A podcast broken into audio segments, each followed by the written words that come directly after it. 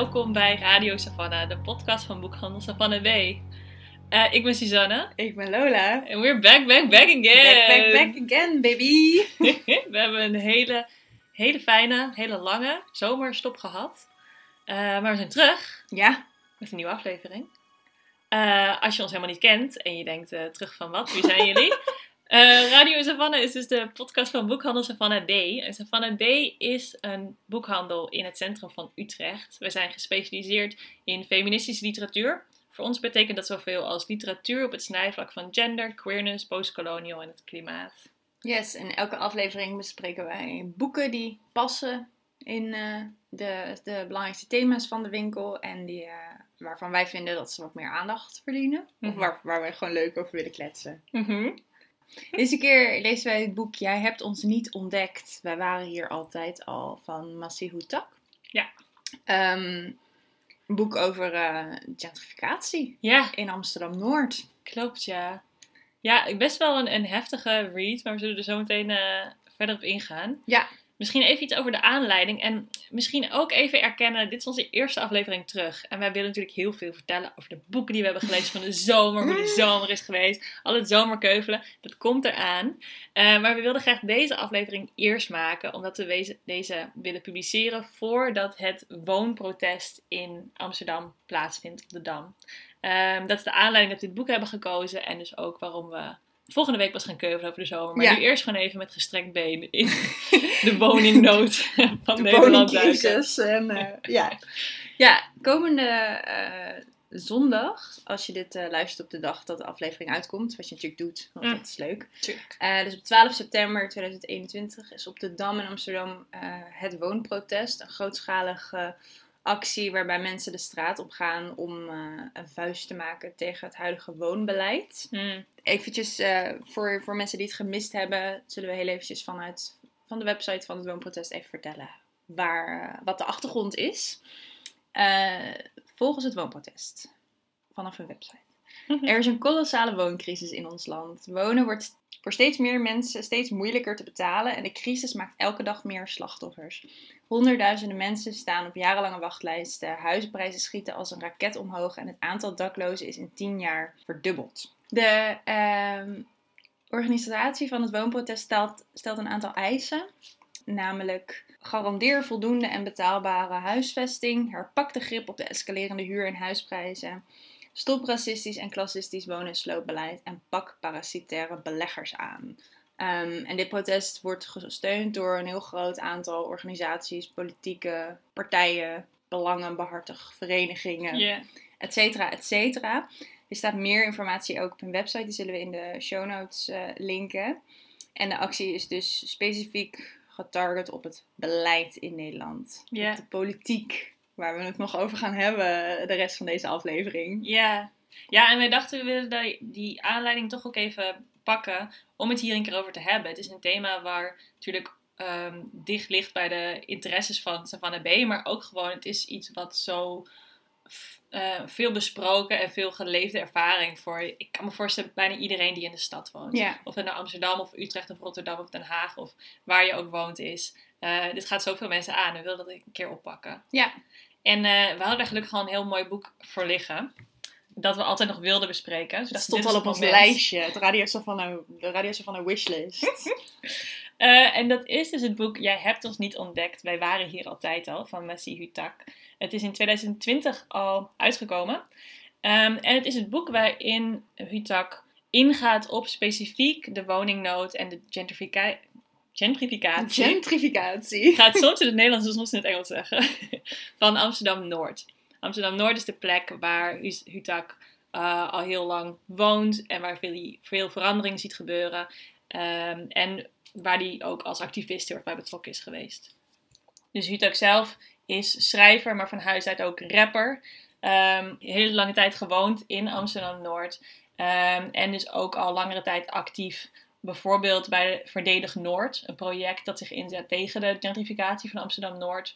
Eh, maar hij zet zich verder ook in voor het onderwijs, voor leesbevordering, voor de creatieve uiting van jongeren, et cetera. Dus sowieso een, een interessante eh, schrijver en, persoon. Eh, en nu dus specifiek voor ons interessant, omdat hij dit boek heeft geschreven over gentrificatie, specifiek in Amsterdam-Noord. Ehm, in dit boek gaat Hutak dus eigenlijk op zoek naar gentrificatie wereldwijd. Of in elk geval, de, hij gaat, bezoekt diverse steden. Uh, New York, LA, San Francisco, Londen en Berlijn. Uh, om, om te kijken wat er daar precies gebeurt op het, op het gebied van wonen en specifiek ook gentrificatie. Maar de wortels van het boek liggen eigenlijk in Amsterdam Noord. Het gaat over wat daar gebeurt, het beleid wat er uh, gevoerd wordt in Amsterdam en in Nederland qua landelijk beleid, wat bijdraagt aan de uh, ja, gentrificatie. We, gaan nog, we geven nog een definitie, don't worry. uh, van Amsterdam Noord en ook de effecten die dat heeft voor de bewoners die er al heel lang wonen. Mm -hmm. um, en dat onderzoekt hij en dat beschrijft hij. En hij, hij, beweegt dus een beetje heen en weer tussen geleefde ervaringen, geschiedenis, context, uitleg um, en um, ja, wat hij zelf gewoon om zich heen ziet gebeuren ook. Ja, en hoe je daar ook actie tegen wil voeren. Ja, ja. ja. ja en ik, ik zei net al van ik vond het best wel een heftig boek om te lezen. En ik denk dat dat komt omdat wonen en het idee van een, een thuis hebben, in de materiële zin van het woord dan, uh, ja, het, is zo, het komt zo dicht bij je hele geleefde ervaring in de wereld. Ja. Ja. En om daar echt gewoon kritisch naar te kijken en over na te denken hoe die plaats zich gevormd heeft, welke positie je daarin inneemt, hoe je je daarin verhoudt tot andere mensen die wel of niet bij jou in de buurt wonen. Het is gewoon, ja, ik vond het best wel even ja. een beetje heftige leeservaring. Ja. ja, en het is een boek wat heel erg gaat over Amsterdam-Noord. En nou heb ik zelf nooit in Amsterdam-Noord gewo gewoond. Ik ken eigenlijk Amsterdam-Noord ook helemaal niet zo goed. Maar daardoor zette het mij ook wel heel erg aan, denk aan het denken over... Oh ja, waar heb ik dan gewoond? Wat heb ik daar gezien? In welke, wij, op welke manieren heb ik misschien bijgedragen aan de gentrificatie van de verschillende wijken waar ik heb gewoond? Mm -hmm. Wat vind ik daarvan? Wat zie ik in mijn eigen stad voor mijn, op mijn eigen stoep? Yeah. En dat vond ik wel een hele waardevolle... Yeah. Uh, rol die dit boek kan spelen. Yeah. Dat het je echt even een soort van ja, bewustzijn van je eigen huis en thuis en woonplek geeft. Ja, en voor jou helemaal afgelopen week. Omdat je midden in een verhuizing ja, zit. Ja, lief luisteraars, ik ben verhuisd. Um, dus ik denk al uh, heel lang na... Mijn hele leven was gewoon afgelopen week ge, gecentreerd rondom wonen en huizen. En van het ene huis naar het andere. En... Uh, de, dit boek gaat erover wat, wat je als nieuwkomer in een wijk brengt. En wat je kan doen en hoe je je kunt opstellen en hoe je je kunt verhouden tot de wijk waar je in terecht komt. Mhm. En ik zat letterlijk in een proces van ergens een nieuwkomer zijn. Ja, Uh, dus dit was wel een hele eh, timely read ook. ja. Op die manier. Want eh, kan je wat vertellen over de plekken waar je hebt gewoond en eh, ja, hoe je verhoudt, zeg maar, tot de plek Ja. waar je woont, tot de Ja. buurt en de wijk? Ja, ja ik, heb, eh, ik woon nu tien jaar in Utrecht. En heb eh, verschillende wijken gewoond. eh, waar, waarin ik dingen die Hoetak in dit boek beschrijft wel heel erg in herkende. Mhm. Ehm, voor de Utrechters onder ons. Ik woonde onder andere in de Daalse buurt. Dus tussen het spoor en de Amsterdamse straatweg. Daar was mijn eerste studentenkamer. En in Sterrenwijk. Wijk meer eh, in Utrecht-Oost. Mhm. En wat me heel erg opviel toen ik dus ging nadenken over van, oh ja, hoe heb ik daar gewoond en wat vond ik daar allemaal van, was dat ik de ehm, effecten van gentrificatie heel erg herkende. Dus dat er op een gegeven moment een biologisch restaurant komt en dat er eh, meer gezinnen zich vestigen in, Mhm. in, in mijn buurt. Maar dat ik mezelf daar altijd een vrij passieve rol in heb toebedeeld. Dus Mhm. nooit heb nagedacht van, goh, wat doet mijn aanwezigheid in dit proces? Ik observeerde dat. Ja, En ik denk dat, dat, dat ik mezelf daar niet heel actief in heb geplaatst, omdat ik student was. En dacht, ja, ik woon ook maar in een studentenhuis. Ik ben hier één van de acht. ja, Eh, ik heb niet zo heel veel macht in dit hele verhaal. Ik ben ook maar, ehm, ja, heb een kans gegrepen in een oververhitte kamer slash woningmarkt. En mijn huisbaas is degene die al het geld opstrijkt. Dus ik woon hier toevallig. Eh, het had ook een andere wijk kunnen zijn als, als me daar een kamer was aangeboden. Ik denk dat het daaruit voortkomt. En nu Ja, ben je en- verhuisd naar... Lombok. Ja, nu ben ik naar Lombok verhuisd. Net, net dus drie dagen op het moment van het opnemen van deze, van deze podcast. Ja. Ja, en dat, ik ken Lombok eigenlijk niet zo goed. Dus ik Mhm. vind het wel heel leuk om dat ook de wijk beter te leren kennen. En na te denken hoe ik dat op een manier kan doen die, eh, ja, niet, eh, door niet in de val te trappen van die, die ook in het boek een aantal keer beschreven wordt van gewoon oogkleppen op en alleen maar je eigen ding doen. En Ja, je, ja, niet verhouden tot de mensen die er al wonen, tot de buurt, tot de wijk. ja. Ehm, ja. En ik moet wel ook zeggen, wat ik merk dus dat ik de hele tijd ook bij mezelf te raden moet gaan, want ik huur nog steeds. Dat dat niet jezelf, dat je daardoor niet vrijgewaard wordt van, Mm, ja, van het nadenken over je rol daarin. Ik merk dat ik het in mijn hoofd soms denk, ja, maar ik koop niet. Dus dan verdrijf ik geen, geen, geen mensen uit hun sociale huurwoning. Kan nog veel erger. Het kan nog veel erger. Ik ben geen belegger. Ik heb toch ook geen geld. Eh, maar dat is een beetje te makkelijk. Ja. Dat heb ik wel weer, dat is me weer eh, goed ingeprent met het lezen van dit boek. Ja. Jij woont al een tijdje in Lombok. Ja, woon We wonen nu in dezelfde wijk. I Dat is know. heel gezellig. I know, ik kan hem je gids zijn. Ja, leuk. Want ik woon hier al drie, vier jaar, dus ik ben expert inmiddels. nee, ik ben ook heel erg eh, import Lombokker. Ik heb hiervoor, eh, toen ik als, ik heb mijn studententijd heb ik in Amsterdam gewoond, Amsterdam-Oost. Eh, in de Blaasjestraat, zo bij de Wieboudstraat daar. En om mij heen woonden alleen maar of rijke gezinnen of andere studenten. Dus dat voelde inderdaad helemaal niet alsof ik daar indringer was. Eh, daarna heb ik in het centrum van Utrecht gewoond. In de, ja, echt zo aan het neuden. In zo'n eh, zo'n studiootje tussen de andere studiootjes gepropt. Waar alle studenten zo van de, de kostenkoper een bed in konden rollen. Van de Chipito's eh, shooterbar, zeg maar. En daar heb ik toen bewust voor gekozen, omdat ik verhuisde naar Utrecht en ik kende hier niemand. Ik dacht, ja, als ik in Kanaleiland ga zitten, dan vereenzaam ik helemaal. Dat is natuurlijk ook een bepaalde gedachte Ja, van hoe mijn stad geordend is. Maar dat heeft toen mijn keuze beïnvloed. Ik dacht, ik ga daar middenin zitten. Want ik vond het centrum van Utrecht dan er middenin.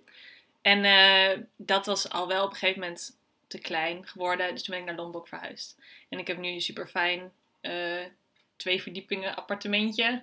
Waar ik eh, met mijn vriend en mijn katten en mijn hond eh, lekker, eh, lekker woon. En waar we nu zitten ook. Ja. We zitten even niet in de winkel. Maar het is inderdaad wel, eh, toen ik naar Lombok verhuisde, toen was het wel de eerste keer dat ik me er bewust van was dat ik eigenlijk een soort te gast kwam. Of dat de, de wijken waarin ik nu ging wonen, dat die een eigen cultuur en taal en ritme had, die me nog niet helemaal eigen was en waar ik me er wel toe moest gaan verhouden. Ehm, en je ziet ook duidelijk gewoon in Lombok de verschillende groepjes, zeg maar, ontstaan. Mhm. Dus als je hier even doorheen loopt, en Lombok is helemaal niet zo heel groot. Eh, maar als je hier een uurtje rondloopt, dan merk je al dat je van de, de koopwoningenwijk, als je de straat oversteekt, dan ben je de huur, sociale huurwoningenwijk. We hebben aan de ene kant de Kanaalstraat met allemaal leukste Turkse en Marokkaanse groentewinkeltjes. En dan als je naar de Vleutense weg gaat, dan zie je al meer de veganistische koffiezaakjes en de supergezellige hipster afhaalplekjes, zeg maar.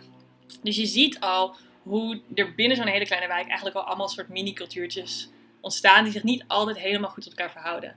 Dus wat dat betreft, ja, is dit boek van Hutak zet je gewoon weer heel erg ja, aan tot denken van hoe je daar zelf eigenlijk Ja. een rol in speelt, of je dat in stand houdt, of je daarmee bezig bent, of je daar ook verantwoordelijkheid in neemt. Ja, dus ik heb er ook veel over nagedacht afgelopen week. Ja. We, we, we- ze- onze gedachtenspinsels zullen wel ook door deze podcast heen een beetje Verweven. verweven worden. Ja, een beetje doorwaaieren. Ik denk, wat me wel overviel ook bij het... Vaak als ik nadenk over, over de woonsituatie in Nederland en ook bij het lezen van dit boek, was een soort van... Oh, wat is het toch allemaal groot en ingewikkeld en Mm. moeilijk. Eh, dus ik denk ook niet dat wij nu met deze podcast een, een soort van kant-en-klare oplossing of hele volledig geformuleerde gedachten hierover kunnen geven aan jullie. Dus eh, ja.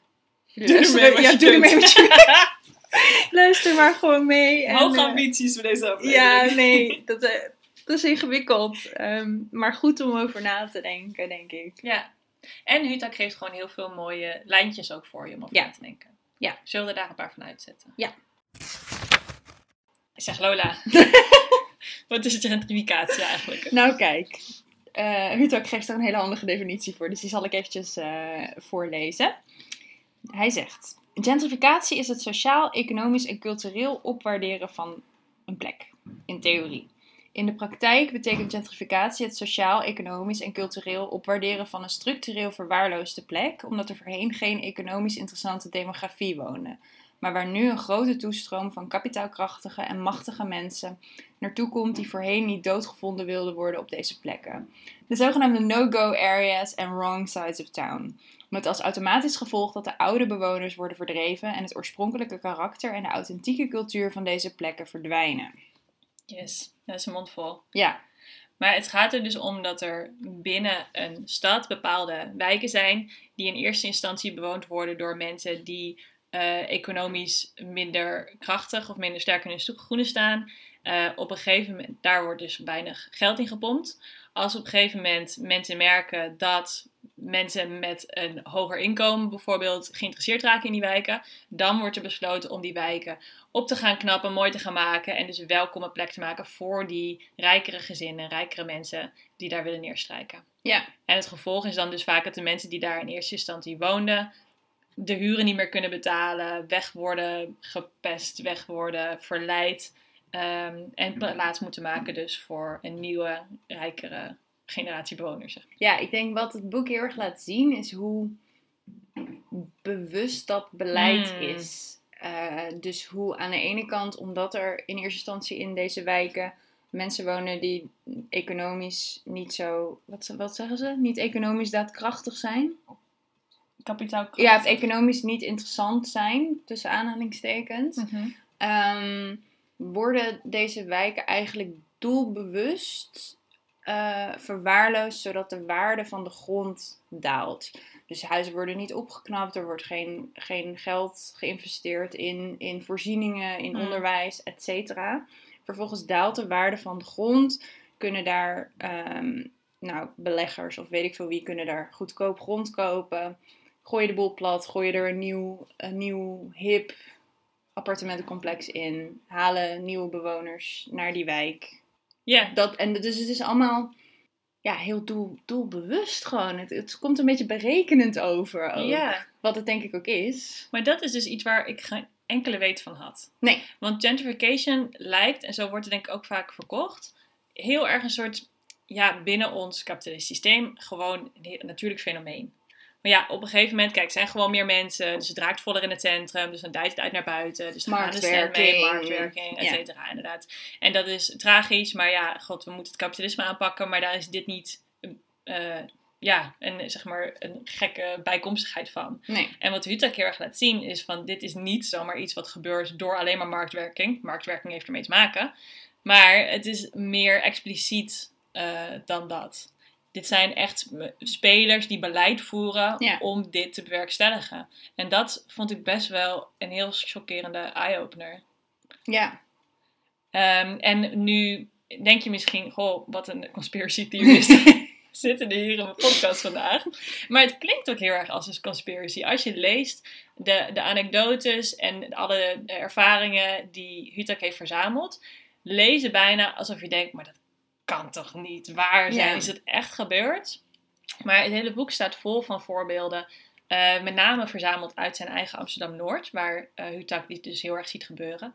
Dus Amsterdam-Noord is een regio die ehm, voorheen eh, voornamelijk bevolkt wordt door mensen die eigenlijk uit Amsterdam Centrum, zeg maar Amsterdam beneden het ei, ja, zijn verdreven. Dus mensen uit de Jordaan, uit Amsterdam Oost, et cetera, die soms eh, gewild, soms minder gewild naar Amsterdam Noord zijn verhuisd.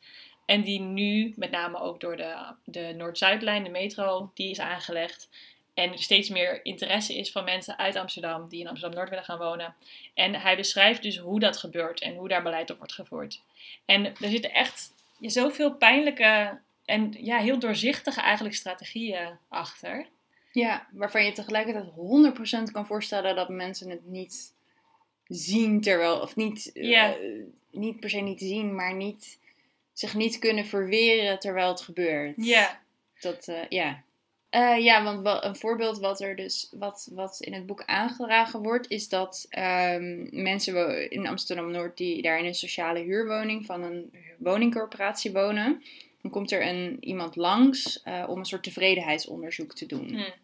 Van, goh, wat vind je van de wijk? Eh, moeten er dingen ge- veranderd worden? Zou je het leuk vinden om in een huis met een tuin te wonen? Nou ja, dat soort dingen.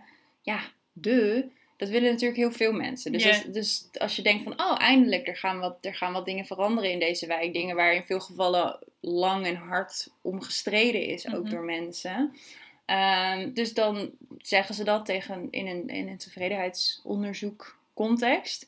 Vervolgens eh, komt de woningcorporatie naar die mensen toe van nou, ehm, we gaan dingen aanpassen. Dan, eh, dat betekent dat de huur gaat stijgen. Dit of dit of dat wordt de huur. Mhm. Onbetaalbaar voor de, huid, de, de, de huidige bewoners, noem ik ze maar even.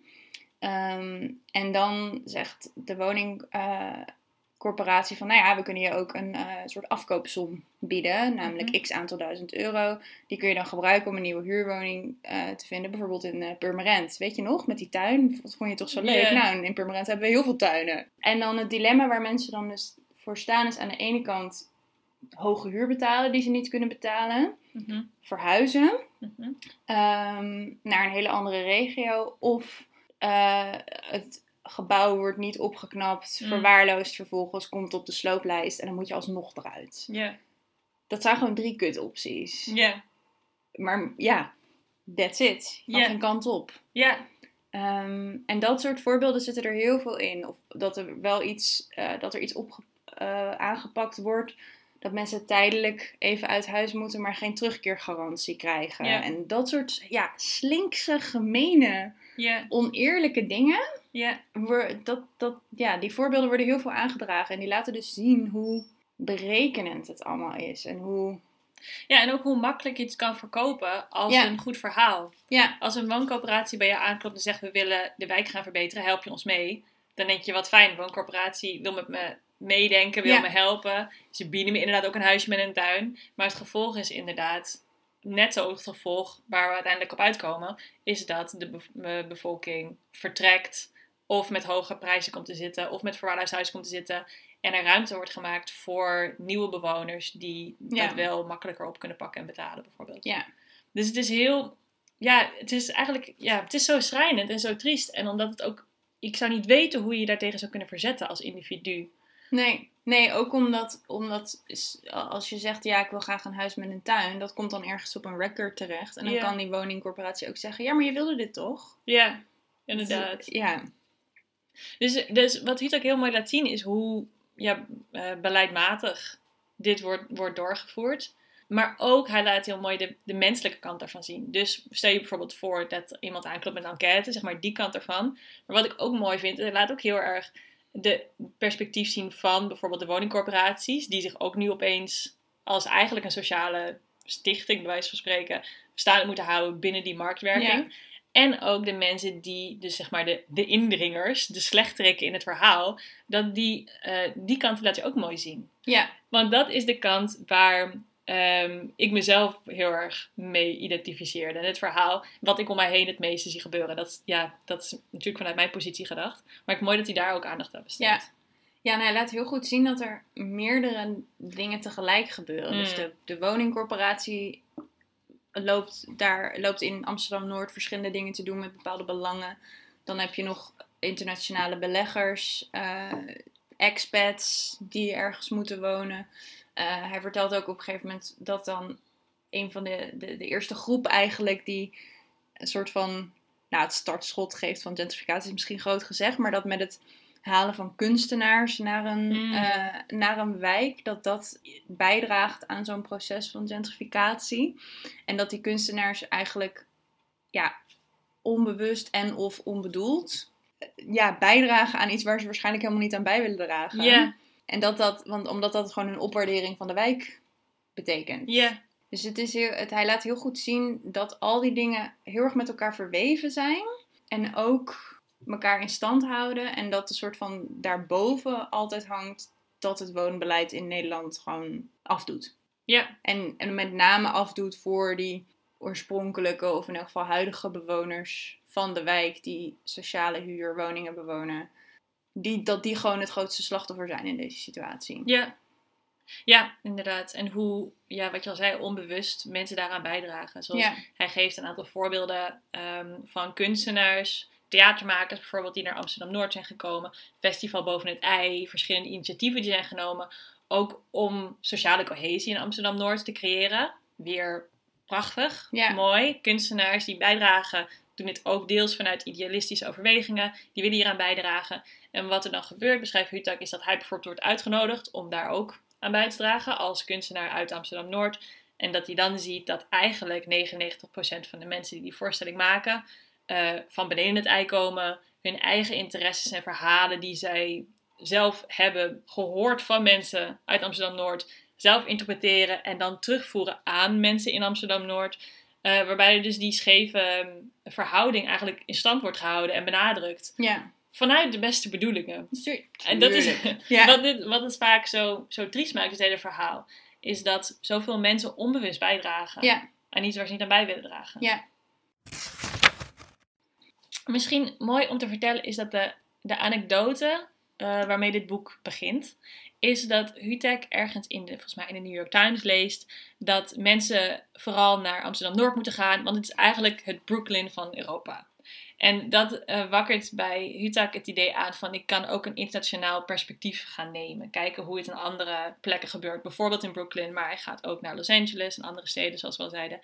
Ehm, en een van de grote eh, bevindingen die hij ook doet, eh, maakt met dat internationale perspectief, is het ontdekken en leren benoemen en bespreken hoe etniciteit en huidskleur ook echt een belangrijke rol speelt. Ja, structurele. Ja, en ehm, nou, natuurlijk in Amerika zijn die onderscheiden misschien nog eh, makkelijker bespreekbaar, omdat dat gesprek al zoveel langer gaande is. En eh, de effecten misschien nog veel duidelijker zichtbaar ook zijn. Eh, maar die bevindingen neemt Hutak mee en leert hij ook herkennen in Nederland bijvoorbeeld. Hoe het in Amsterdam-Noord ook een rol speelt. Ja. Ja, en hij, hij benadrukt dat eigenlijk gedurende het hele boek. Dus dat, dat en wederom dat het dus komt door, door beleid en een soort van gericht beleid. Dat mensen van kleur over het algemeen meer in, tussen aanhalingstekens, achterstandswijken wonen. En dat zij vervolgens degene zijn die aan het kortste eind trekken. Mhm. Ehm, en dat dan, ja, heel cliché, de witte bakfietsmoeders Mhm. eh, die ja, zo'n wijk over kunnen nemen. Mhm. Ehm, en dat is wel heel waardevol dat hij dat, dat, hij daar, dat, hij dat blijft benadrukken ook. Ja. Dat, eh, ja. Ja, en een expliciet voorbeeld wat hij geeft is bijvoorbeeld eh, de scholen in Amsterdam-Noord. Waarbij hij ziet dat steeds meer van de scholen die heel lang gemengde scholen zijn geweest, dat er steeds meer, ja, quote-unquote witte scholen eh, als een soort tegenwicht beginnen te ontstaan. En dat veel nieuwe bewoners van Amsterdam-Noord ervoor kiezen om hun kinderen naar een witte school te laten gaan. Dus dan zien we aan de ene kant dat mensen naar Amsterdam-Noord komen, want het is nieuw en hip en cultureel. En eh, ik ga me daar helemaal de andere kant van de stad leren kennen. Maar niet bij mijn kinderen natuurlijk. En Ja. niet waar ik zelf mijn boodschap wil doen. En niet waar ik eigenlijk als ik gewoon even koffie wil drinken. Dus heel erg het idee van ik kom wel een soort van eh, exotisme of zo hier proeven.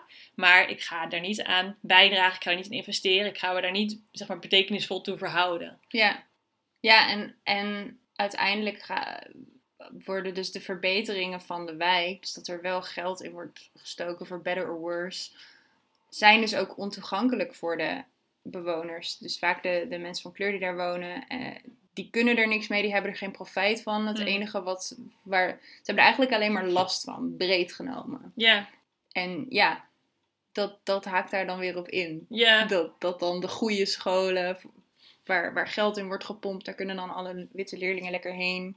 ja, En vervolgens blijft het op andere scholen misschien minder. ja. Hij heeft een heel verdrietige passage waarin hij zoiets zegt als eh, dat hij zich probeert in te leven dat je een van de nieuwe bewoners bent die vanuit jouw chique gebouw naar de overkant kijkt en het probleem ziet waarvan je niet weet hoe je het op moet lossen. En dat aan de andere kant van de straat een oude bewoner naar jouw chique huis kijkt en denkt de oplossing ziet waar diegene geen toegang toe heeft. Ja, ja. Ja, want dat is het, vind ik het schrijnendste aan het hele verhaal, dat deze groepen elkaar niet vinden. Mm. Dat, dat, dat er echt eilandjes ontstaan in, in een wijk. En dat vind ik herkenbaar ook in de wijken waar ik heb gewoond, en vast ook hier in, in jij Ja. net ook al zei, dat je ervan uitgaande dat iedereen de beste bedoelingen heeft als individu. Daar, dat, dat neem ik maar even als, als basis dan.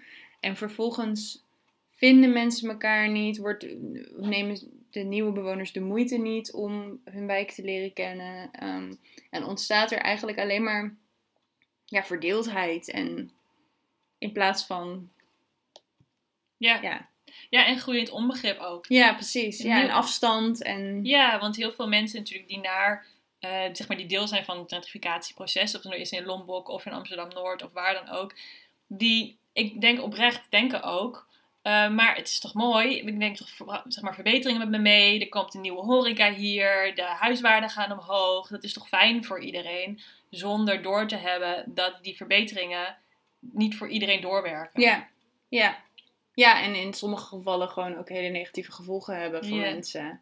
Die ja, voor jou dan misschien niet voelbaar zijn, omdat je lekker op je ja, havermelk elite bubbeltje zit. ja Dat- klopt. ja. Het is een schrijnend verhaal, mensen. Het is, Het is- het is geen vrolijk boek. Nee. Het is geen vrolijk boek. Nee. Maar wel, eh, wel heel interessant. En belangrijk. Uh, blijft niet alleen maar in de, de triestheid hangen. wat, nou, wat ik dus mooi vind aan Hutak is... Kijk, hij laat gewoon zien, dit zijn eh, structurele problemen. Dit heeft Ja. te maken met kapitalisme, met racisme... met de, de, de marktwerking en hoe die wordt ingezet om ja, steden in te richten. En hoe mensen en organisaties en hele stadsbesturen er ook een soort pionnen in zijn. En dat zijn natuurlijk zaken, kijk, daar kunnen we over meedenken met bijvoorbeeld protesten als er verkiezingen zijn, maar dit zijn allemaal grootschalige structurele problemen.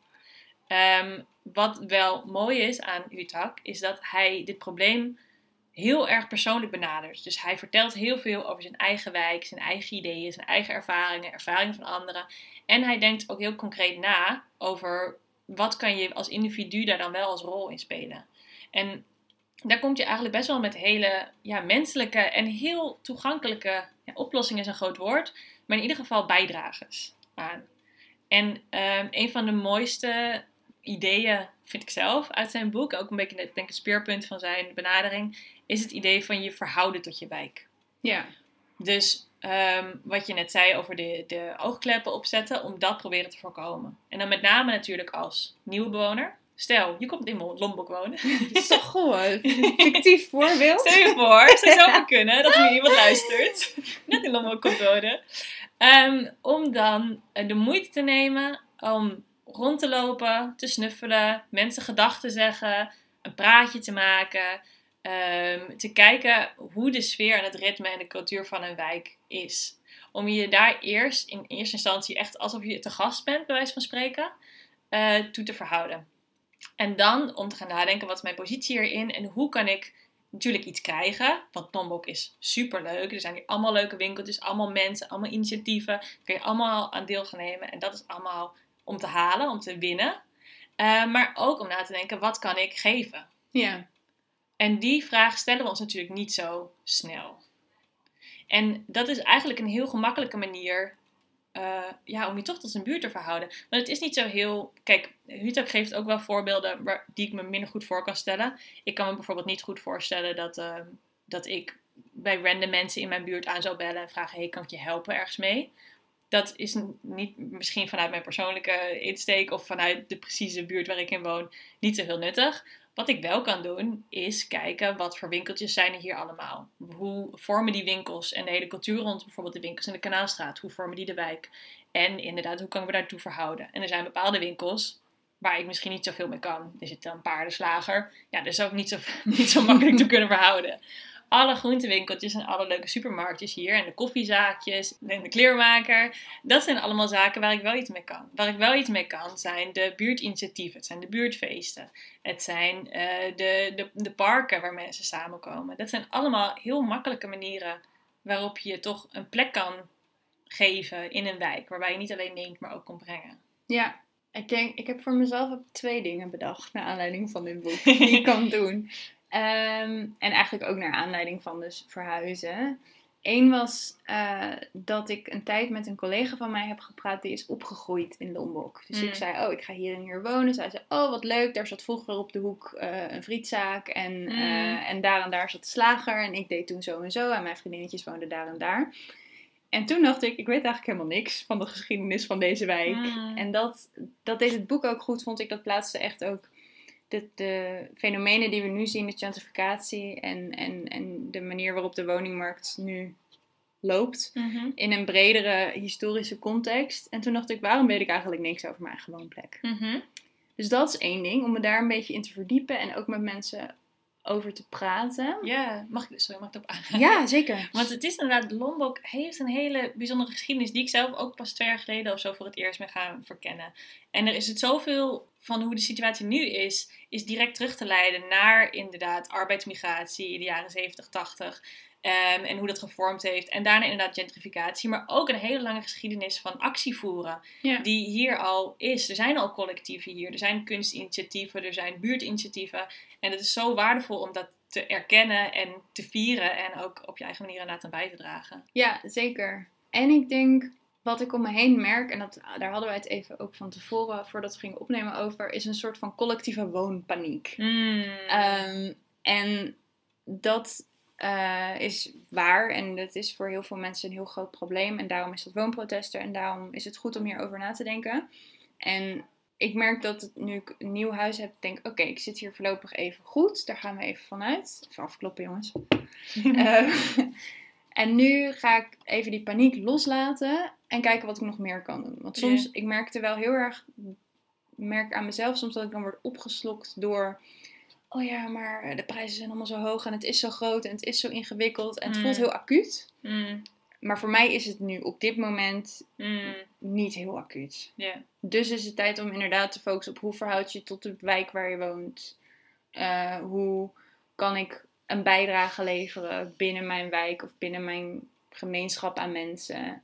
En die paniek een beetje loslaten. Ja, want wat Hutak niet beargumenteert, wat ik, wat ik echt een, een eh, opluchting vond, is de oplossing: ga gewoon niet in die wijk wonen. Nee, want hij ziet ook wel dat dat niet reëel is. Met Nee. hoe de, hoe de markt nu werkt. En ik zou ook zeggen, misschien als je nu in woningnood zit, je bent nu op zoek naar een huis, ga dan misschien lekker eens een ander boek lezen. En ga dit boek lezen als je een woning hebt. Ja, Want de woningnood is op dit moment gewoon zo hoog. ja, dat, ja, er zijn uitzonderingen. Misschien eh, heb je ergens een miljoen op de bank en misschien is het allemaal, zit je in zo'n situatie dat het voor jou niet geldt. Maar voor de meeste mensen is de woningnood gewoon zo hoog dat als je op zoek bent naar een huis, ben je nu in blinde paniek. ja. Ben je iedere dag Funda aan het refreshen en een ben je op alles op reageren. al je WhatsApp groepen aan het laten droppen hoeveel je kan betalen voor hoeveel vierkante meter.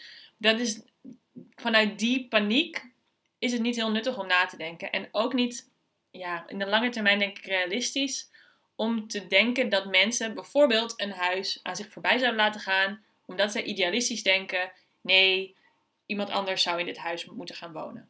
Nee, dat is gewoon niet hoe het nu werkt. Dat is bijna, En daarvoor is die crisis ook te groot, of te wijd verspreid. ja, ja, Ja, En daar ik ben dus wel blij dat Huut ook dat niet, argument niet maakt.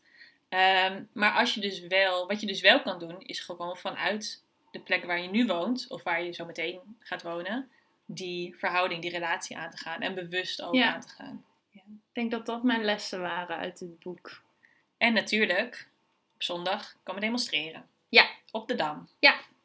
Ja, en ook er wordt soms een soort beeld geschetst van de wooncrisis dat het allemaal gaat omdat niemand een koophuis kan vinden. En dat is natuurlijk vervelend voor de mensen die dat willen en die veel te veel geld moeten betalen voor een woning ergens. Dat zou allemaal niet moeten. Maar die crisis is veel groter en dat woonprotest maakt dat ook heel erg duidelijk. Het gaat ook over dakloosheid, het gaat over het verdwijnen van sociale huurwoningen. Nou ja, noem het allemaal maar op. En dat zit ook in dit boek. En ja, dat was voor mij ook weer goed. Want soms, als het alleen over koopwoningen gaat, dan word ik daar heel moedeloos van. Maar het is groter en daardoor ook belangrijker. Ja. Ja, het gaat eigenlijk zoveel meer mensen ook aan. Ja, En het is ook, eh, want hij gebruikt het voorbeeld natuurlijk van Amsterdam-Noord, waarbij heel veel mensen in Amsterdam-Noord komen wonen, die dan in Amsterdam onder het ij zeg maar werken. En in Utrecht hebben we natuurlijk iets vergelijkbaars. Lombok ligt zo lekker dicht bij het station, dat heel veel mensen die buiten Utrecht werken, kunnen lekker in Lombok wonen. Maar dan breng je dus eigenlijk maar heel weinig van je tijd en aandacht neem je mee naar de wijk waar je woont. Ja. En eigenlijk is dat ook gewoon een gemis. Er is zoveel eh, te leren, te ontdekken, te vieren in je eigen wijk. Dus het is ook een stukje, een soort van bijna een soort mindfulness. of een soort bewustwording eh, van die wijk. Om iets terug te geven, maar ook ja, die, die verbeterde relatie kan je misschien ook gewoon meer brengen. Ja, en de verhouding aan te gaan. Ja, Ja. Nou mensen. We hebben er toch nog een beetje een positieve spin aan gegeven, Ja, denk ik. toch? Ja. het is een mogelijkheid, mensen. Ja, zie het als een, als een, als een mogelijkheid. Als een deur die open gaat. Eh, met deze eh, mogelijkheid Ach, zijn we aan het einde gekomen van deze aflevering van Radio Savannah. Dankjewel voor het luisteren. Leuk dat je er weer bent. Wij zijn, wij zijn blij dat we er weer zijn. Ehm, je kunt alle informatie over het boek, over het woonprotest en nog wat andere interessante artikelen die we in de show notes zullen delen, allemaal vinden in de show notes. Want daar gaan we het delen. Vergeet je ook niet om te abonneren op onze podcast. We zijn dus weer terug. Yay. Eh, bijna wekelijks is ons, Zeker. is ons doel. Ehm, dus eh, we, gaan, eh, we hebben een hoop leuke plannen. We gaan een hoop mooie boeken en bespreken en thema's aansnijden. En eh, ja, daar wil je bij zijn, denk ik. Sowieso. Wij bedanken, zoals altijd, Rieke Blom voor het maken van ons logo. En Koefloeks voor het uitlenen van zijn nummer Joan. eh, wat onze intro en outro muziek is. Volgende keer gaan we jullie bijpraten over onze zomer. Zomerkeuvelen. Want er is gelezen eh, over meer dan huizen. En gelukkig. En eh, daar eh, kun je naar uitkijken voor volgende week. Yes. Tot volgende week. Dag! Bye.